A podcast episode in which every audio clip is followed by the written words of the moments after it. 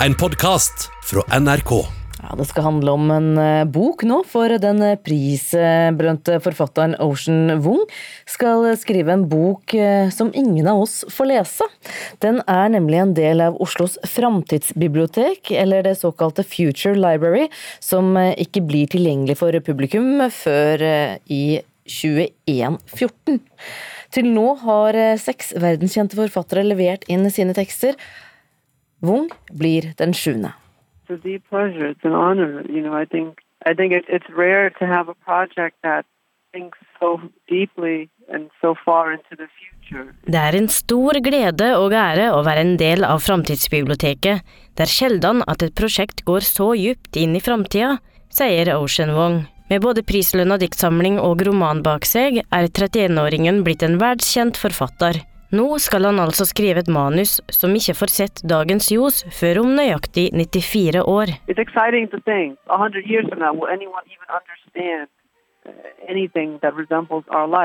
han er nemlig den neste forfatteren som skal bidra i Future Library, eller Framtidsbiblioteket, om du vil.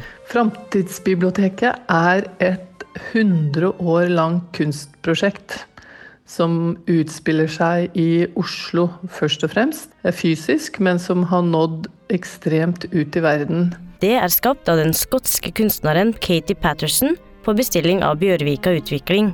Prosjektet består av en skog med 1000 tre som ble plantet opp i Nordmarka for sju år siden.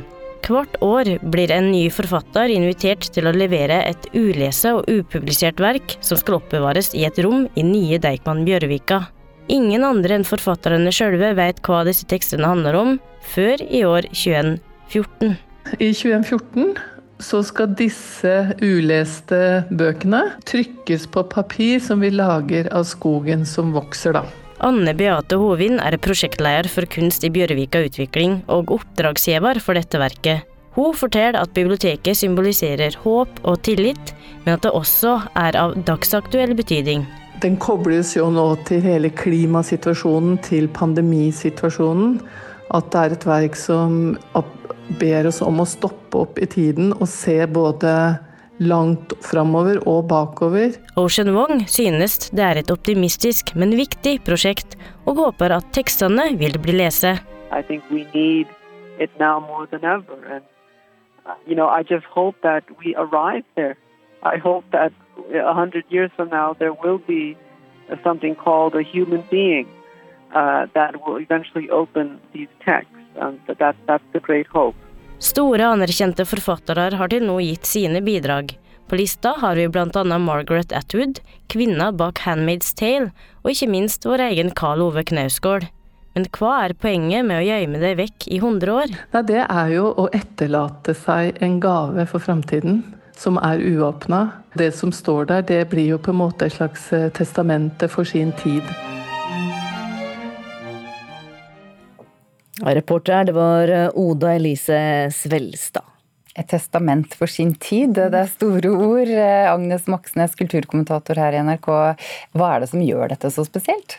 Ja, nei, det er vel ingen som har noe lignende noe, noe sted, rett og slett. Så det er, det er, vel det unike og spesielle. Det er vel det som gjør det spesielt også. Hva er tanken bak? Nei, altså det, er har, det er jo et nytt bibliotek i, i, Bjørvika i Oslo som har fått veldig mye oppmerksomhet. Og når man begynner med sånne bygg, så skal man også ha kunstprosjekter knyttet til det. Og i dette tilfellet her så snakket de da med eh, den skotske kunstneren Kate Patterson. Eh, hva skal vi gjøre, hva har du lyst til å levere? Og så kom hun opp med denne ideen her om at man tar kontakt med forfattere, ber dem skrive en eh, roman som ingen i vår tid kommer til å lese, men som blir lagt ned og skal åpnes om 100 år.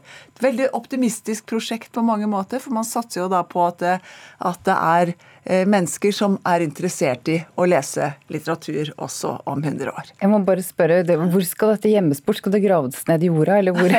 Nei, altså, når man går tur i Nordmarka i Oslo, så står det faktisk et skilt hvor det står 'Future Library'. og Hvis man da går av gårde og tenker at her finner vi et bitte lite bibliotek med nedgravde bøker, så er det altså ikke sånn.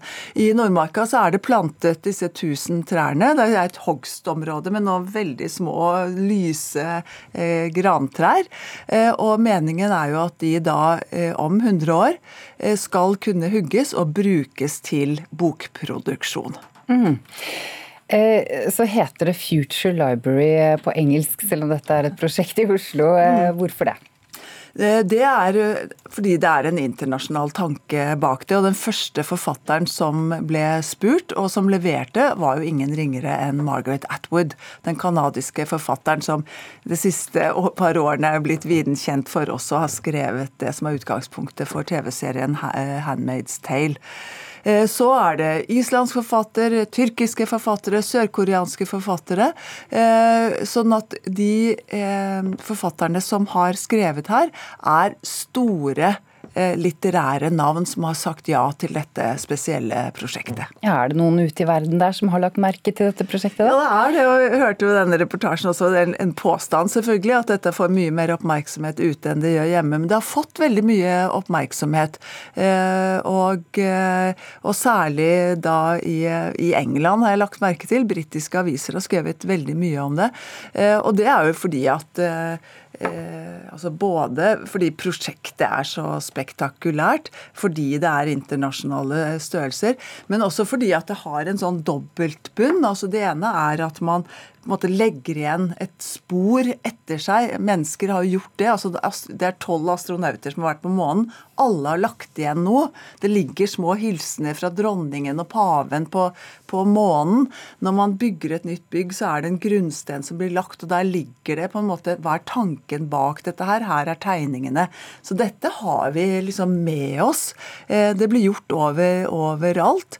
Eh, og, og eh, også da i dette tilfellet her med biblioteket i, i Oslo. Da, og og Deichman som ble vår månelanding, altså. Dette er en, en av månedene. Men du, Karl Ove Knausgård skulle jo da levert sitt manuskript mm. i mai, men det ble ikke noe av. Hvorfor ikke? Hva skjedde? Nei, da kom, korona, da kom koronatiden, rett og slett. Eh, så derfor så, så, Men han kommer nå 5.9. Og det er jo interessant eh, når det gjelder Karl Ove Knausgård, for da han var ferdig med Min kamp i 2011, så fikk, var jo sist, avslutningen på den serien serien er 'Nå er jeg ferdig som forfatter. Nå er det slutt'. Og det fikk jo veldig mye oppmerksomhet. Det var jo ingenting som tydet på at han hadde problemer med å skrive. Men denne høsten kommer han altså med to bøker. Eh, det ene er dette hemmelige manuskriptet som blir pakket inn og lagt i dette eh, Future Library, eller Fremtidsbiblioteket på Deichman. Det andre er en roman som heter 'Morgenstjerne', som kommer nå da i, i høst. Deichman eh, Bjørvik har åpnet før eh, sommeren. Eh, nå, 5.9, altså snart, åpner dette Fremtidsbiblioteket. Mm. Takk, kulturkommentator NRK her i NRK, Agnes Moxnes. Det skal fortsette å handle om bøker, men nå om en bok som vi absolutt skal få vite innholdet av. Eh, Bukkene Bruse er eh, nemlig blant de mest kjente skikkelsene i norsk eh, barnelitteratur for tiden. Og det, det skyldes ikke Asbjørnsen og Moe, men heller denne mannen. Endelig var Bukkene Bruse klare for et bad. De ville prøve sklia først. Den var enda større enn på bildet. Ei lang trapp førte opp til toppen. Du først, lillebror, sa den mellomste bukken. Du kan vel gå først for en gangs skyld? Ikke noe krangling, sa den største. Minst først. Ja, dette er forfatteren Bjørn Rørvik som sammen med illustratør Gry Morsund i 2009 opplevde tidenes suksess med bildeboken 'Bukkene Bruse på badeland'. Og der, der, leker de seg med det gamle eventyret og gir bukkene et nytt og moderne liv. Og nå er den fjerde boken i serien ute, og den har du lest, Anne Katrine Straume. Hvor drar bukkene denne gangen? De drar til Syden. Eh, ikke mindre. Vi andre er på norgesferie, men de drar altså til Syden. Eh, og de drar til et uspesifisert hotell. Og uspesifisert det blir straks da tatt opp av den minstebukkene Bruse som ufisifisert. Og dermed så har vi på en måte en lattervekkende humor i gang da for de aller minste. Men uspesifisert det skal også få en stor betydning. For når de kommer da til Syden, så blir de tatt med av en mystisk person som drar det med til et avsidesliggende sted. Og vi voksne voksne skjønner jo kanskje hvem denne mystiske personen er. I hvert fall så får vi et hint når vi ser et skilt hvor det står 'Costa del Troll'. Og dette er jo altså en fabulering over eventyret om de tre bukkene Bruse, så trollet er med her også. Dette syden, syden er jo kjent for mange, både store og små. Men hvordan spiller forfatteren og illustratøren opp til forestillingene våre og erfaringene med Syden? Uh, Gry Maursund hun uh, tegner allerede fra liksom, flyplassen. Vi er med på flyet, og vi er med på stranden underveis. Uh, her går det i verduros, burritos. Språket er også litt sånn sydlandsk. Umiskjennelig. det som er morsomt med illustrasjonene til Gry Maursund, er at de kan synes ganske sukkersøte, men så ligger det en del detaljer der som er litt sånn spisse likevel. F.eks. på stranden, hvor solen vibrerer og det er varmt og deilig, så ser vi også to, alle dyrene, alle badegjestene de er dyr, som de tre bukkene. Og så ser vi da to små rosa griser som ligger og peser i solsengene sine. Eh, og de har da badebukser i de tyske, det tyske flaggets farger. Så her er det små stikk som kanskje de voksne eh, vil få mer ut av enn barna. Ja, og da er spørsmålet retter boken seg mer eh, mot de voksne, eller eh, er den eh, mer til barna? Begge deler, vil jeg si. Men noen små detaljer går nok hus forbi for de aller minste, som kanskje vil finne ut av dette senere i livet, når de har lest litt flere bøker. Dette er jo bøker som voksne skal lese for barna, så det er jo et poeng at de voksne også har litt moro av det underveis. Men det er en, fin blanding tenker jeg, av henvendelse både til den voksne som leser, og til, til barna. Dette er jo den eh, fjerde boken i serien 'Bukkene Brus på badeland'. Det har jo blitt nærmest en moderne klassiker som alle med barn eh, har lest. Eh, hvilke trekk kjenner du igjen fra de tidligere bøkene? Det er jo en altså, eh, morsom og fabulerende um, dannelseshistorie, rett og slett. De reiser ut i verden for å gjøre seg noen erfaringer og kommer sterket og styrket tilbake igjen. De møter trollet eneste, hver eneste gang, også her i Syden. Det er jo litt mystisk da at trollet fins i Syden også, som jo dør, vet vi. Trollet sprekker når solen skinner på det. Men, eh, men han er her også. Er det en god bok? Det er en veldig god bok. Den er fabulerende, den er morsom, den er grensesprengende.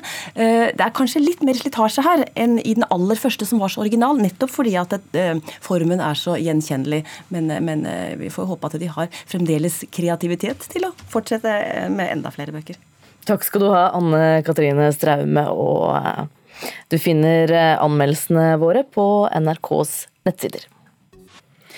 Forfatter Torvald Thorvald Steen var både rørt og imponert da han eh, så urpremieren på teaterstykket som er basert på hans to siste kritikerroste romaner.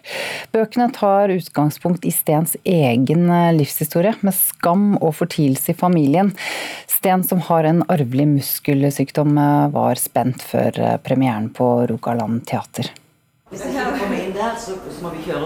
Torvald Steens rullestol klarer så vidt det er å komme inn døra til teaterhallen i Stavanger. Jeg er jo spent som bare det. På et sånt ytre plan ser jeg rolig ut, men det er ikke tilfellet. Jeg er spent, veldig spent. Forfatteren er på vei til urpremiere på teaterstykket som på mange vis handler om han sjøl og hans familie. Hei, hei, hei. hei. Men dette er altså kysten? Dette er mor. Ja. Dette er datteren din? Ja. I salen venter regissør Anders T. Andersen og skuespillerne for en kjapp hils rett før forestillingen. Uh, jeg er mest nervøs på skuespillernes vegne, at de skal bli veldig nervøse av at han sitter Det er verst for de. Snart skal Sten se det siste fotografiet, som er basert på hans roman fra i fjor med samme navn, og Det hvite badehuset, som kom to år før. Utgangspunktet var at uh, jeg hadde en mor som uh, skammet seg over mitt utseende. Prøver å presse overkroppen opp, sånn at de klarer å sitte. På scenen sitter skuespiller Marko Kanic i rullestolen. I de kritikerroste og populære romanene er hovedpersonen navnløs, men har i likhet med Sten en arvelig muskelsykdom.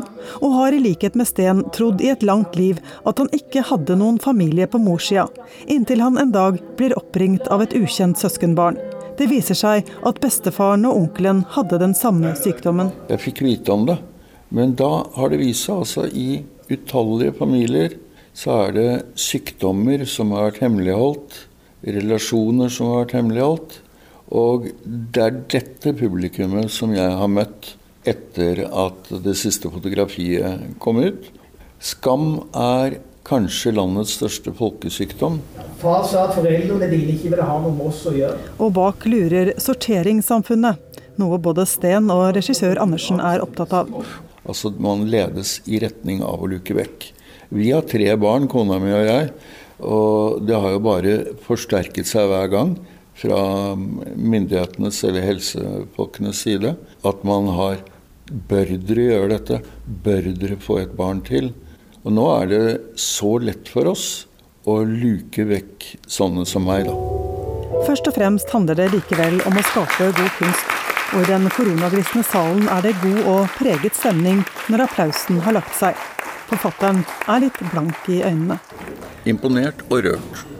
Særlig samspillet mor-sønn. Jeg syns det var veldig imponerende hvordan de ikke var falt i fella og demonisere moren, men gi henne faktisk en flere til og med sjarmerende trekk. På den måten så blir de faktisk ganske grusomme tingene som blir sagt, dempet. Og det syns jeg fungerte ganske effektivt. Drister du deg på terningkast, eller? Ja, nei, jeg gjør ikke det. Langt over en terning, i hvert fall. En terning er på sm et smått uttrykk. Andre sa forfatter Torvald Steen til reporter Anette Johansen Espeland. Du har hørt en podkast fra NRK. Hør flere podkaster og din favorittkanal i appen NRK Radio.